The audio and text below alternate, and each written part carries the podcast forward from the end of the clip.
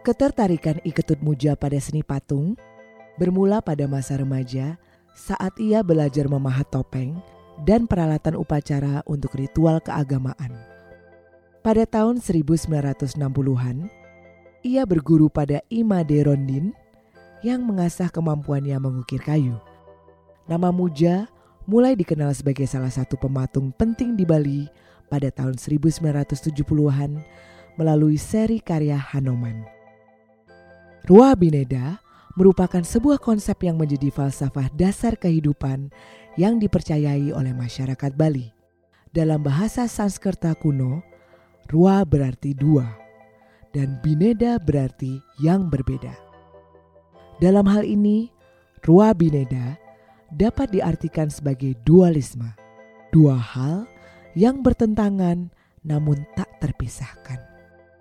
Kedua hal tersebutlah yang menciptakan keseimbangan. Tidak ada yang sepenuhnya dianggap baik atau buruk. Yang satu tak harus mengalahkan yang lainnya karena keduanya setara dan saling melengkapi. Dalam Voice Against Reason, patung karya Muja ditampilkan berhadapan dengan karya anak laki-laki tertuanya, Iwayan Jana. Menurut Jana, pahatan-pahatan ayahnya yang sangat ekspresif merupakan rekaman akan kondisi emosi dan pemikirannya yang terinspirasi berbagai pengalaman personalnya. Teknik dan eksplorasi Muja yang menyimpang dari kecenderungan teknik ukir Bali pada umumnya tercermin juga pada karya Jana, meski keduanya mengembangkan gaya yang sama sekali berbeda.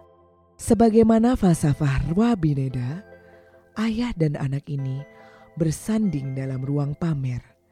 Tidak ada yang lebih baik dari yang lain. Keduanya sebagaimana adanya bukan seharusnya.